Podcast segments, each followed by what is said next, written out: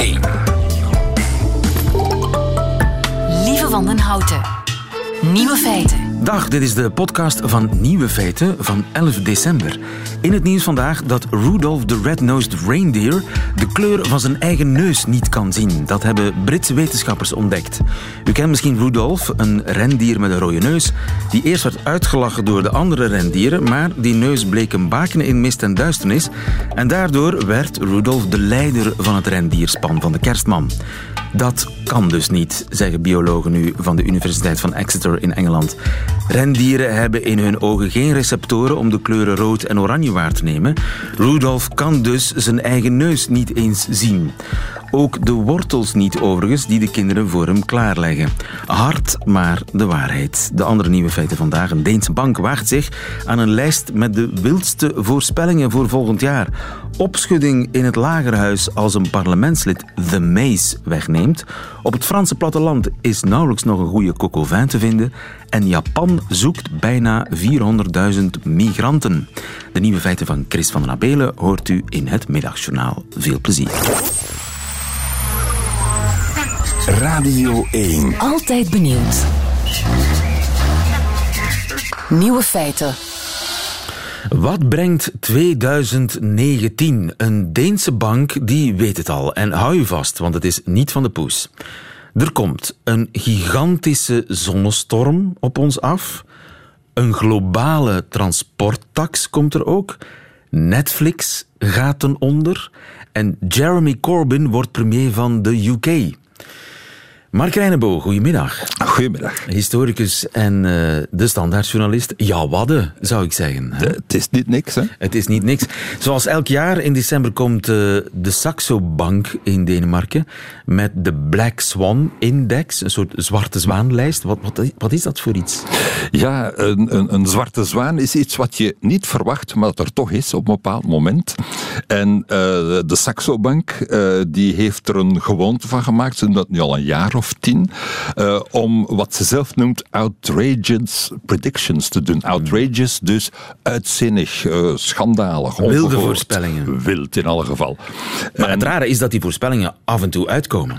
Ja, wel, het is te zeggen. Ze hadden uh, ook vorig jaar zo'n een lijstje van tien ja, zeer wilde voorspellingen. En ik heb ze even nagekeken en ik denk, als je een beetje ruim berekent, dat er eigenlijk maar één van die tien min of meer is uitgekomen. Oei, en dat was dat de bitcoin uh, ten onder ging gaan. Ja. Uh, maar voor de rest... Uh, maar dat ja, ze nog voorspeld? Wel, bijvoorbeeld dat Tencent, een bedrijf, een Chinees technologiebedrijf, um, uh, Apple van de troon zou stoten en dat hun aandeel in waarde zou verdubbelen. Wel nu, ik heb het even nagekeken. Gebeurd, dat aandeel is met 25% gezakt, ongeveer. Tencent dus, heeft het niet gedaan. Ja, en Apple staat nog altijd overeind. Uh, maar bijvoorbeeld ook dat de koers van de Chinese munt uh, heel fel zou stijgen. Het is in tegendeel gedaald. Um, dat het Oostenrijkse Hongaarse keizerrijk in een uh, bepaalde vorm zou terugkeren en de kern van de Europese Unie zou worden. Ja, wel, maar uh, oké, okay, dat is natuurlijk niet uitgekomen, maar een soort Oostenrijks-Hongaarse alliantie, uh, ja. die, die kunnen we toch, dat is toch min of meer in die richting? Ze hebben wel, er is nu ook een extreemrechtse coalitiepartner in de Oostenrijkse regering gekomen, de FPE, en die voert op een aantal vlakken eenzelfde politiek als bijvoorbeeld Hongarije. Maar dan merk je toch dat daar allerlei conflicten zijn tussen uh, Oostenrijk en Hongarije en Polen, zodanig dat die niet echt uh, de, de macht kunnen overnemen ja. binnen de Europese Unie. En in tegendeel tegen zowel Hongarije als Polen. Uh, want de idee was eigenlijk dat Oostenrijk lid zou worden van de Visegrad-landen, dus Polen, Hongarije, Tsjechië en Slowakije. Dat is niet gebeurd en die zijn een beetje toch in het verdomhoekje geraakt nu er sancties zijn aangekondigd tegen Polen en Hongarije. Dus in die zin kan nee. je zeggen... Mm, de voorspellingen voor 2018 was niet echt succesvol. Laten we eens kijken naar die voor volgend ja. jaar. Ja. Uh, de, de meest opvallende ja. is wel heel onvoorspelbaar. Een zonnestorm ja. die, die voor meer dan 1,7 miljard aan schade zou veroorzaken. Uh, ja, uh, meer bepaald uh, biljoen zelfs.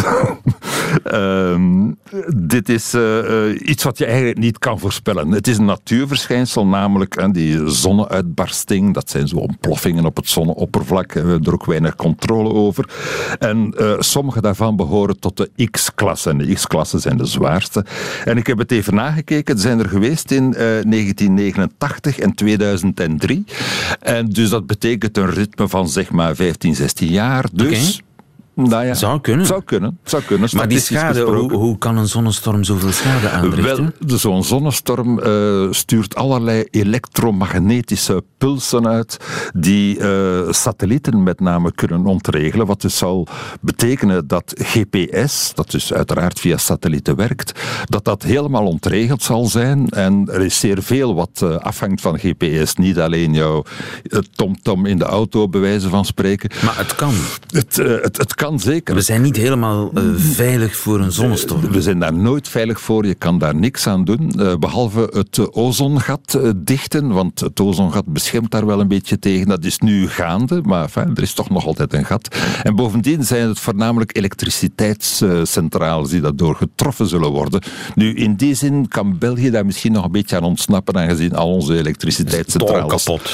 Die gaan toch vanzelf al ja. kapot. Dus die kunnen al niet meer kapotter zijn. Dus in die zin zullen wij misschien daar nog een beetje goed uitkomen. Maar zo, ja, zo'n zonnevlam, daar, eh, daar is Ja, niks ja. aan te doen. En eh, kan grote schade veroorzaken. Verwacht het onverwachte. Die Denen hebben niet helemaal ongelijk. Nu, eh, Jeremy Corbyn als nieuwe premier van Groot-Brittannië. Ja. Dat zou zomaar kunnen natuurlijk. Dat zou best kunnen, omdat eh, je ziet dat al de, de focus nu in Groot-Brittannië ligt al eh, een tijd lang op die brexit. En de conservatieve regering is daar nu echt weer een potje van aan het maken.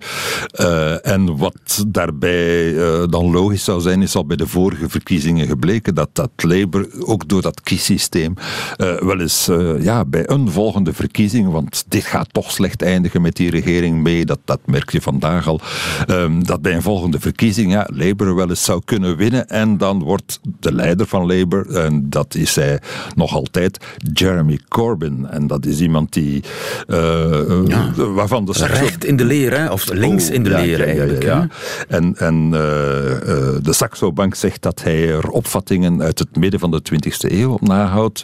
Ehm, dus dat zal betekenen eh, nationalisaties bijvoorbeeld van de spoorwegen, wat niet echt een slechte zaak zou zijn, want dat is daar ook wel een potje, die, die spoorwegen sinds ze geprivatiseerd zijn en erg duur en onbetrouwbaar. Dus slechter kan moeilijk. Maar wat hij ook zal doen, is wellicht een eh, vermogenstaks invoeren, want rijk zijn is iets wat eh, altijd... Rijke mensen zijn eh, gewaarschuwd bij deze door de Saxo Bank. en wat men vreest is dat eh, met name buitenlanders met hun bezittingen zouden wegtrekken uit, uit Groot-Brittannië. En misschien is dat niet zo'n kwaaie zaak, want die buitenlanders dat zijn dan voornamelijk Russische oligarchen en eh sheiks uit Qatar of Saudi-Arabië. En die hebben... Londen weer betaalbaar, zeg, om te wonen. Voilà, die hebben daar de helft van de immobiliën in Londen op gekocht. Dat is schandalig duur. Je kan daar eigenlijk als gewoon mens niet meer wonen. Dus misschien kunnen die prijzen weer zakken en dan wordt het weer mogelijk om te wonen in Londen. Is toch een voordeel, lijkt mij.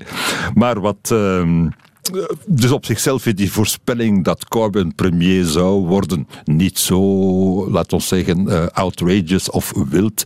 Het is eh, eh, tamelijk te verwachten zelfs. Wat daar het gevolg zou van zijn, volgens de Saxo Bank, is dat het pond en de dollar, de Amerikaanse dollar, dat die op pariteit zouden zijn. Dat wil dus zeggen, 1 dollar zou 1 pond waard zijn. En dat valt natuurlijk nog wel een beetje af te wachten. Dat is nu voor 1 dollar Ja. krijg je 0,8 pond. Dat is in het verleden, enfin, heel recent verleden, eh, zes maanden geleden, nog 0,75 geweest. Dus Ja, ja.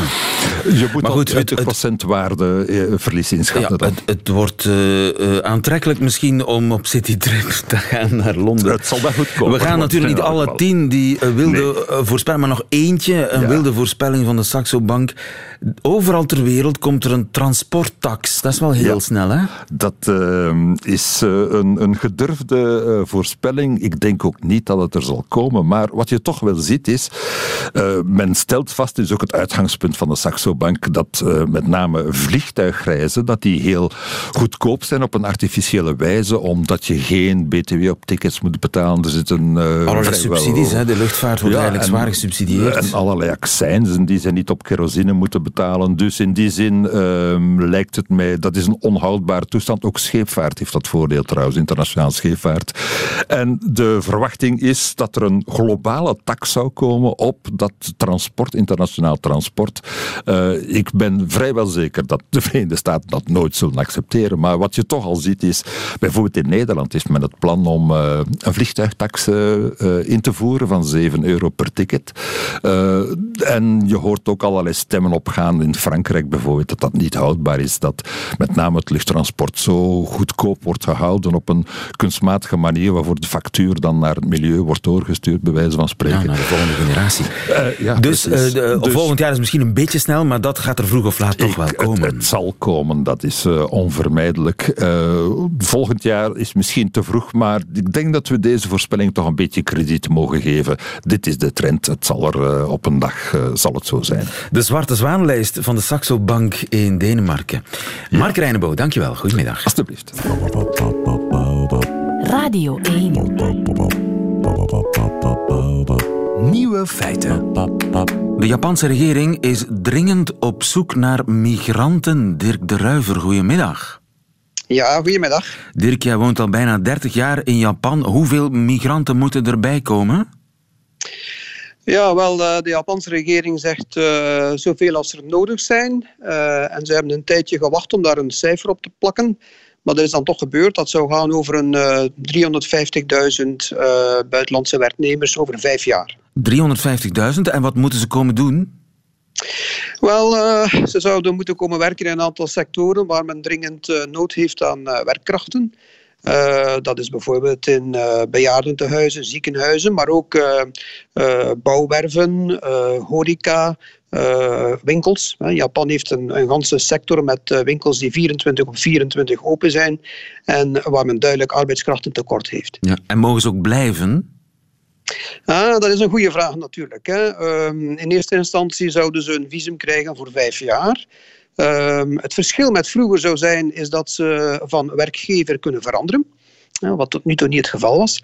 En als ze goed werk leveren na vijf jaar, zouden ze nog eens een verlenging kunnen krijgen van vijf jaar.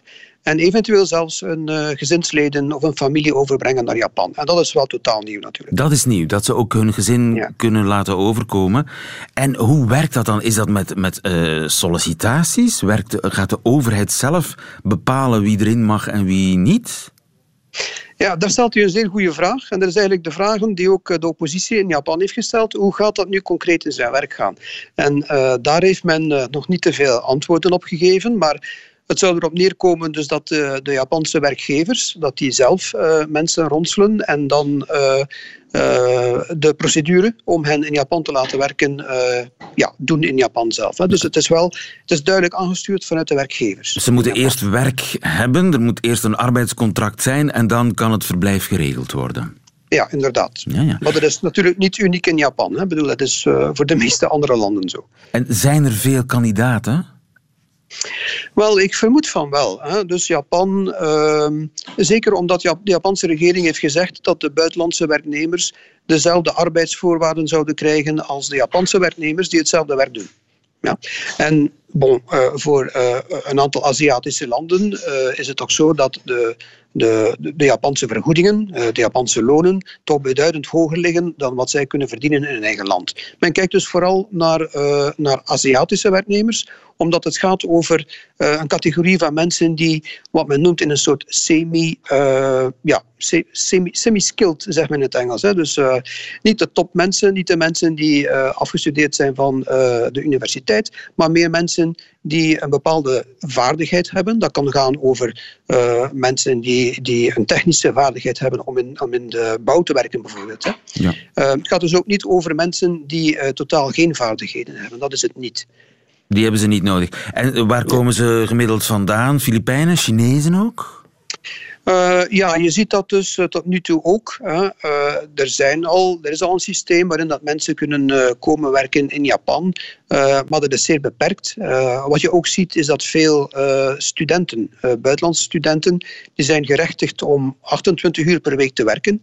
Dus die zie je ook. En als je dan ziet wat voor nationaliteiten dat zijn, dat gaat inderdaad over Chinezen, maar ook over bijvoorbeeld mensen uit Nepal, mensen uit Indonesië, mensen uit de Filipijnen.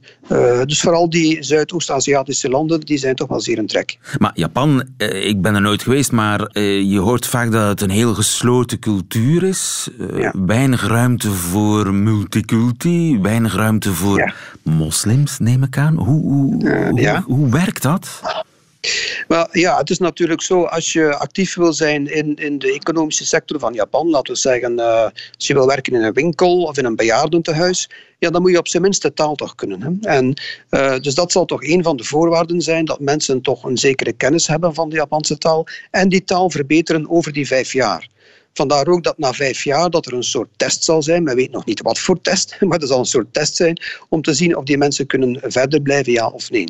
Ehm, maar het is inderdaad zo, uh, ja, als men de Japanse taal niet tot op een zekere hoogte kan, als men ook niet uh, ja, de Japanse cultuur machtig is, als men niet begrijpt hoe dat die cultuur werkt, ja, dan, dan gaat dat problemen opleveren. Maar ik heb de indruk dat de Japanse regering vooral kijkt naar de werkgevers om ervoor te zorgen uh, dat uh, die mensen voldoende opgeleid zijn om te kunnen functioneren in het Japanse systeem. Ik denk dat het ook normaal is, want anders heeft het geen zin dat die werkgevers die mensen overhalen naar het buitenland. Ja. Maar op dit ogenblik is er nog van enige multiculturaliteit geen sprake in Japan. Maar je moet zien, uh, er zijn uiteraard buitenlanders in het Japan, maar die vormen uh, ongeveer 2% van de Japanse bevolking. En dus is toch wel veel minder dan bij ons bijvoorbeeld. En uh, in de grootsteden zie je wel meer en meer buitenlanders. Ehm, maar het is wel zo dat de meeste Japanners ja, nauwelijks een tweede taal spreken.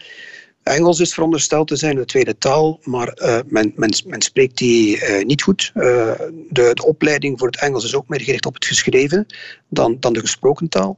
En dus Japan heeft altijd moeite gehad om, om, om te, de gewone Japaner, laten we zeggen, hè, om zich te, te, om te connecteren met, met de rest van de wereld. En dat heeft te maken met het gebrek aan, aan talenkennis. Ja. Uh, maar nu zal dat Japan... moeten veranderen. Ze zullen daarmee moeten omgaan met die multiculturaliteit. Want ze kunnen niet anders, want ze zijn zo vergrijsd dat ze hmm. geen uh, mensen meer vinden om in de verpleeghuizen en in de landbouw en in bepaalde ja. fabrieken te werken.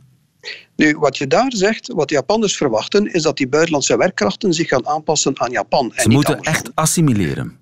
ja, ja uh, daar komt het in feite op neer. Hè. Dus het, zijn, het zijn de buitenlandse werknemers die Japans zullen moeten kunnen spreken. Uh, het zijn de buitenlandse werknemers die uh, voldoende de, de, Japanse manier van denken en doen tot zichzelf nemen want ik heb niet de indruk dat Japan uh, allez, van plan is om, om echt uh, zijn eigen mentaliteit te gaan veranderen natuurlijk. Hè. Uh, als je in een bejaardentehuis werkt, ja, dan kan je toch moeilijk verwachten van mensen van 85, 90 jaar dat die plotseling allemaal Engels gaan leren bijvoorbeeld. Ja. Dus dat is het niet. Hè. Eh, ja.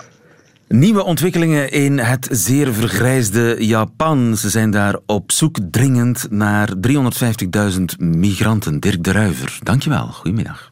Graag gedaan.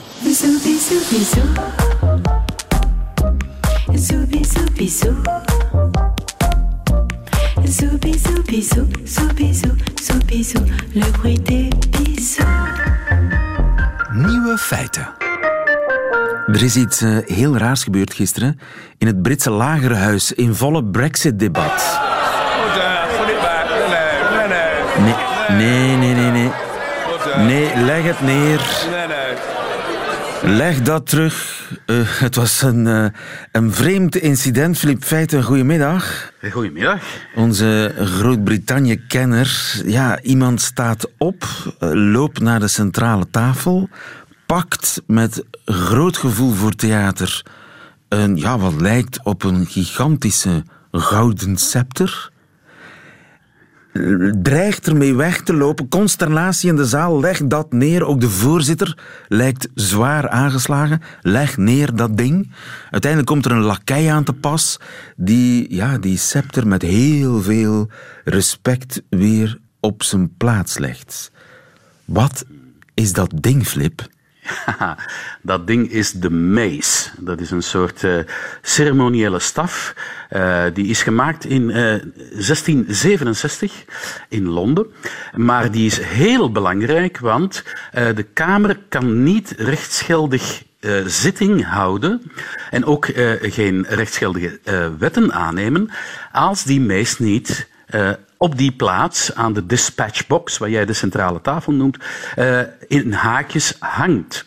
Dus als die er niet is, dan... dan ja, is er geen parlement. Dan is er geen parlement. Die wordt elke ochtend lieven in een processie uh, de Kamer binnengedragen. Dat is een, processie waarmee de, de speaker, de Kamervoorzitter, arriveert. Voor hem loopt dan um, een, een kapelaan en achter hem uh, loopt de sergeant at arms, zoals dat heet.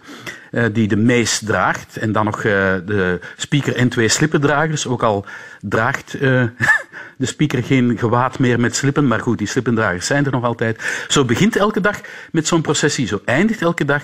En dus elke dag opnieuw wordt die meis in die haakjes gehangen en dan pas kan de Kamer rechtsgeldig zittingen hebben en wetten aannemen. Het is een soort fetish. Het, lijkt wel middeleeuws. Het is het ook natuurlijk.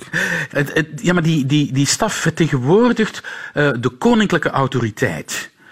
Dus uh, als die er niet is, ja, dan, dan uh, kan het, het, het, wetgevingsproces geen doorgang vinden. En die wordt dus uh, met zeer veel respect behandeld. En als iemand, is nog gebeurd hoor, ah. een aantal keren zelfs. ja, ja, als iemand die mees oppakt en wil buitenlopen, of, of op, op de banken gooit, of op de grond gooit, dat is een, een vorm van groot protest. In dit, was het, in dit geval was het Lloyd Russell Moyle, een relatief jong Labour-parlementslid. En die was zo boos omdat premier May de stemming over de deal met Europa wilde uitstellen. Die vond dat, dat, dat je dat niet deed, dat, dat je de gek hield met de parlementsleden.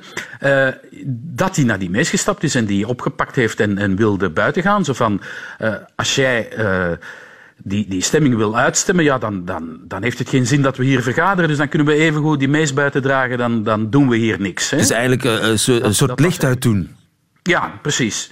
En, uh, maar, maar natuurlijk, uh, dat, wordt, uh, dat, dat, zorgt voor grote commotie altijd in de Kamer. De Tories riepen: put it back, put it back, throw him out, throw him out. Hij is trouwens ook gesanctioneerd door de voorzitter.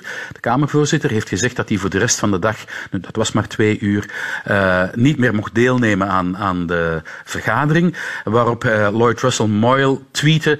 Thankfully, they haven't locked me in the Tower of London, but If they had, I'd expect May to be in the cell next to me for her treatment of Parliament today. I am allowed back tomorrow after my symbolic protest against this government, which May wasn't allowed back.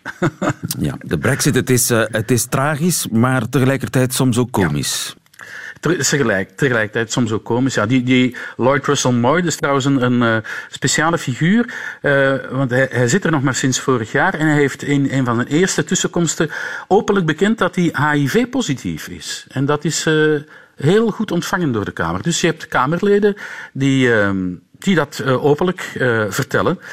Hij is uh, tien jaar geleden uh, besmet geraakt en hij heeft een heel, emotioneel nogal zijn hele verhaal gedaan. En dat uh, is goed ontvangen door de hele Kamer. Maar gisteren natuurlijk was hij het zwarte schaap. Maar uh, ja, na één dag is dat weer vergeten en dan mag hij weer meedoen. Ja, het is een, een hele rare mix van museum en toch heel progressief. Dat uh, Britse parlement en de Britse samenleving ja. op zich. Dankjewel Flip Feiten, dit is mij heel duidelijk geworden. En ik zal The Mace met respect behandelen als ik hem nog eens zie. You'd better. Nieuwe feiten.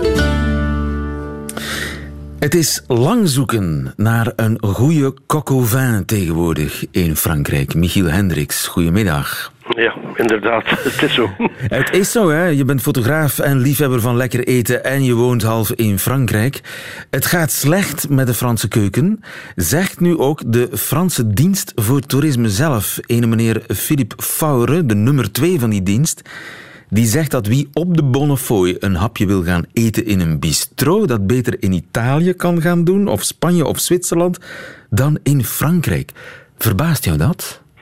Nee, het is al tien jaar aan de hand. Trouwens, dat is al niet de eerste keer dat de Franse dienst van toerisme uh, toetert dat het moet verbeteren, want de, het toerisme is de eerste industrietak van Frankrijk en ze zijn dat echt aan het verwaarlozen. Het is... Um, Het gaat niet alleen over de kwaliteit van het eten, die zin er ogen achteruit gaat. Het is vooral ook, vind ik, uh, men heeft geen zin meer om u te bedienen. Er is een soort, je komt binnen in een zaak en het is een wat je stoort eigenlijk. En dat is al tien jaar aan de hand, het wordt alsmaar erger. En dat was vroeger beter? Ja, absoluut. absoluut. Ik heb, uh, ja, natuurlijk, uh, we hebben dat, onze, onze herinnering is altijd gekleurd met romantische denkbeelden. Maar ik heb allerlei, toen ik twintig jaar oud was en voor het eerst door Frankrijk reisde, ja, dat, eh, die gewone volksrestaurants, eh, die waren fantastisch. Die de zijn horen er nog, des hoor. overvloeds. Ja, horen des overvloeds, lekkere gigots, alles, alles erop en eraan. Bouillabaisse, bœuf bourguignon, ja, crêpes coco, gratin, dauphinois. Ja, ja, maar het bestaat nog, maar eh, het is, het is alsmaar moeilijker om vinden. En het is eh, ook alsmaar uh, moeilijker om te vreten ook. Bedoel, Het is, het is ja, minder natuurlijk, lekker. dat ik bedoel. Hè. Het is, uh, maar oplet hoor, ik heb uh, een maand geleden een zwerfreisje door Frankrijk, de laatste stop in de buurt van Valenciennes, in zo'n routard op de middag, hè, uh, waar je alleen op de middag kunt eten. Daar heb ik uitstekend gegeten. En het is toch een trucje voor hoor. Aha. Als er veel trucks op de parking staan, Ja. Want die truckers die leven eigenlijk permanent, gaan die eten. Ik bedoel, die, die, dat voor hen is dat zeer belangrijk. En die kennen ook echt nog de goede adressen. Dus als er zo'n parking vol staat met trucks, dan mag je zeker zijn dat je daar goedkoop en, en nog een echte lekkere maaltijd zult krijgen. Want die truckers zijn truc- kieskeurig. Ja, die zijn zeker kieskeurig. En ja, ja, zeker en vast. Want dat is voor hen eh, ja, hun dagelijkse kosten. Ja. En nog een En truc. dan nog een, ik, dat is een eigen truc eigenlijk. Ik noem hem de geraniumtruc. De Als je ziet geraniumtruc. Ja, als je ziet aan een restaurant in de zomer, als de geraniums buiten staan, als die bloemen goed verzorgd zijn, dan mag je er echt op, op wedden dat het eten dat ook zal zijn. Want dat is eigenlijk uiteindelijk, het ene komt uit het andere voort eigenlijk. Hè. Want het heeft met liefde te maken. Inderdaad. Maar allee, het- is ook zo met, met de landelijke hotels. Hè. Hadden ze mij twintig jaar geleden gezegd dat ik zou gaan slapen in een keten als de Ibis of de Campanile, ik had mezelf zot verklaard. Maar ik, ik zie nu, als ik op reis ben in Frankrijk, dat ik meer en meer kies gewoon om in zo'n ke- keten te gaan slapen. Omdat ik tenminste weet dat het daar een goed bed is, dat ik daar vriendelijk ontvangen zal zijn, enzovoort enzovoort. Maar dus het landelijke hotel in Frankrijk, betaalbare landelijke hotel, is volledig aan het verdwijnen. Maar wat is er toch gebeurd? Je zegt het is een gebrek aan goesting, een gebrek aan liefde. Ja, dus dat is het een gebrek aan goesting. Waar komt dat vandaan? Ja, ik weet het niet. eh bijvoorbeeld is wat er in Frankrijk ook in, ontzettend in de opmars is. Ik zie dat overal, ik ga daar niet naartoe. Maar dat zijn van die grote Chinese restaurants, all you can eat. Hè. Ja. Dus overal, in iedere, op, op- bij iedere uitvalsweg van een Frans stadje, zie je zo een Chinees opkomen. Ja, en die, die zijn wel vriendelijk, eh, die blijven, eh, ja, maar de Fransen zelf gaan er massaal naartoe. Hè. Dus, eh, Dat ik is het probleem, eigenlijk. Dat de Fransen ook fastfood willen. En Ja, ja, bijvoorbeeld, want eh, ik heb mijn, mijn huis is in de buurt van Verdun, een Franse stad. En toen 25 jaar geleden daar de McDonald's neerstreek, dan waren in Verdun, zeiden de mensen letterlijk, eindelijk tellen we mee. Het was, ik was zat te wachten op het etiket McDonald's, want nu waren ze echt een echte stad geworden. En die McDonald's, ik, ik ga daar ook niet, maar ik rijd daar voorbij, ik zie die parking altijd vol staan. Ja. Dus het is ook een gebrek aan chauvinisme eigenlijk. Kun je dat Ja, voorstellen? inderdaad. Althans, men probeert ook. Dat moet dan anderzijds ook wel zeggen, bijvoorbeeld in het onderwijs in Frankrijk, de schoolmaaltijden, die zijn vergeleken met andere landen in de wereld ontzettend verzorgd. De kinderen krijgen een voorgerecht op school, een dessert, ook een driehangen menu eigenlijk. Dus het is, het is toch Dat is niet nog de, de laatste strohalm van de Franse keuken, is eigenlijk de keuken op de lagere school. Ja, nee, maar het zegt toch nog iets over die zijn, cultuur. zijn we. Hebben we enig idee? eh, ja, eh, je hebt ons een paar trucjes aan de hand gedaan. eh, ja, is, is er zicht op verbetering of, of gaat dat gewoon verder achteruit? Ik vrees, ik vrees van niet. Ik zie ook bijvoorbeeld bij de bakkers in Frankrijk is er nu ook, maakt men nu ook al sandwiches, meer en meer. Ik zie mensen in de rij staan bij de bakkerij om zo een sandwich te gaan, belegd broodje te gaan kopen. Ja, zij worden ook zij schuiven mee, denk ik, met een soort internationale trend, maar ze vergeten daarbij dat hun echte identiteit verloren gaat. Hè? Want eh, oké, draait of keer het, Frankrijk is inderdaad coq gaan eten. Hè? Ik bedoel, eh, voor mij toch. Ja, coq au vin, zolang het nog kan. Geniet er nog van, eh, eh, Michiel Hendricks. eh, en bedankt ook voor de geraniumtruc. Ik ga hem nooit vergeten. Dankjewel. Nog fijne middag, dag. Dag. Nieuwe feiten. Middagjournaal. Schaarbeek, 11 december. Beste luisteraar, vanochtend stapte ik naar de krantenwinkel. Iets sneller dan anders, want het is een dinsdag in december en dan zijn ze er de eindejaarsvraagjes van Humo. Wij journalisten van de tv en de radio zijn onwaarschijnlijke ijdeltuiten, dus is het onze natte droom om onze naam in vetjes te zien verschijnen bij de categorie Beste Radio of Beste TV. Luisteraars, Guy Mortier heeft mij ooit vermeld. De heilige Guy Mortier. In de categorie slechtste tv. Ja, ooit had ik een rubriekje in Extra Time en dat rubriekje dat was voor Guy fucking Mortier de slechtste tv van het jaar. Van de weeromstuit heb ik een jaar lang geen humor gekocht, tot het opnieuw december werd en er opnieuw eindejaarsvraagjes waren. Het Walhalla in Medialand, dat is door Humo gevraagd worden om zelf je eindejaarsvraagjes in te vullen. Nog nooit mee mogen maken. Dat ligt aan mijn statuut. Ik ben een MHBV, een maar half bekende Vlaming. Mensen herkennen vaaglijk mijn stem of gezicht en vragen dan: Gij zijt toch wel uh, dinges? Daarom, beste Humo, pleit ik voor een nieuwe rubriek eindejaarsvraagjes van de MABV's, de meneer en mevrouw Dingessen. En omdat ik weinig last van verlegenheid heb, zal ik zelf het startschot geven. Hier gaan we. Vraag. Wat vindt u de belangrijkste gebeurtenis, evolutie of trend van het voorbije jaar? Antwoord. Hashtag Parijs. Geel is het nieuwe rood. Vraag. Wat vond u het beste en het slechtste op radio en tv? Antwoord. Beste tv, Clement Peres te gast bij Winteruur met Wim Helzen en zijn hond. Slechtste tv, alles van Guy Mortier. Beste radio, de middagjournaals van Nico Dijkshoorn. Slechtste radio hebben we nog te goed, de kerstboodschap van Zijne Majesteit de Koning. Vraag. Welke boeken, films, muziek en toneelstukken hebben u dit jaar het meest bekoord? Antwoord. Boeken, mijn favoriete Jommekesalbum, De Samsons. Muziek, tot het op nummer 1 in de top 100 staat Dikke Lu van de Clément Peres Exposition. Toneelstukken. Beste, Ginny Beels op de avond van 14 oktober. Slechtste, Wouter van Bezien op de avond van 14 oktober. Films, niets nieuws gezien. Eerst wil ik alle dialogen uit The Godfather uit het hoofd kennen. Vraag: Wie wenst u wat toe voor 2019? Antwoord: aan alle mensen van goede wil een goede gezondheid, aan alle anderen de boom in. Zo was getekend Den Dinges, stichtend lid van de Vereniging van de maar half bekende Vlamingen.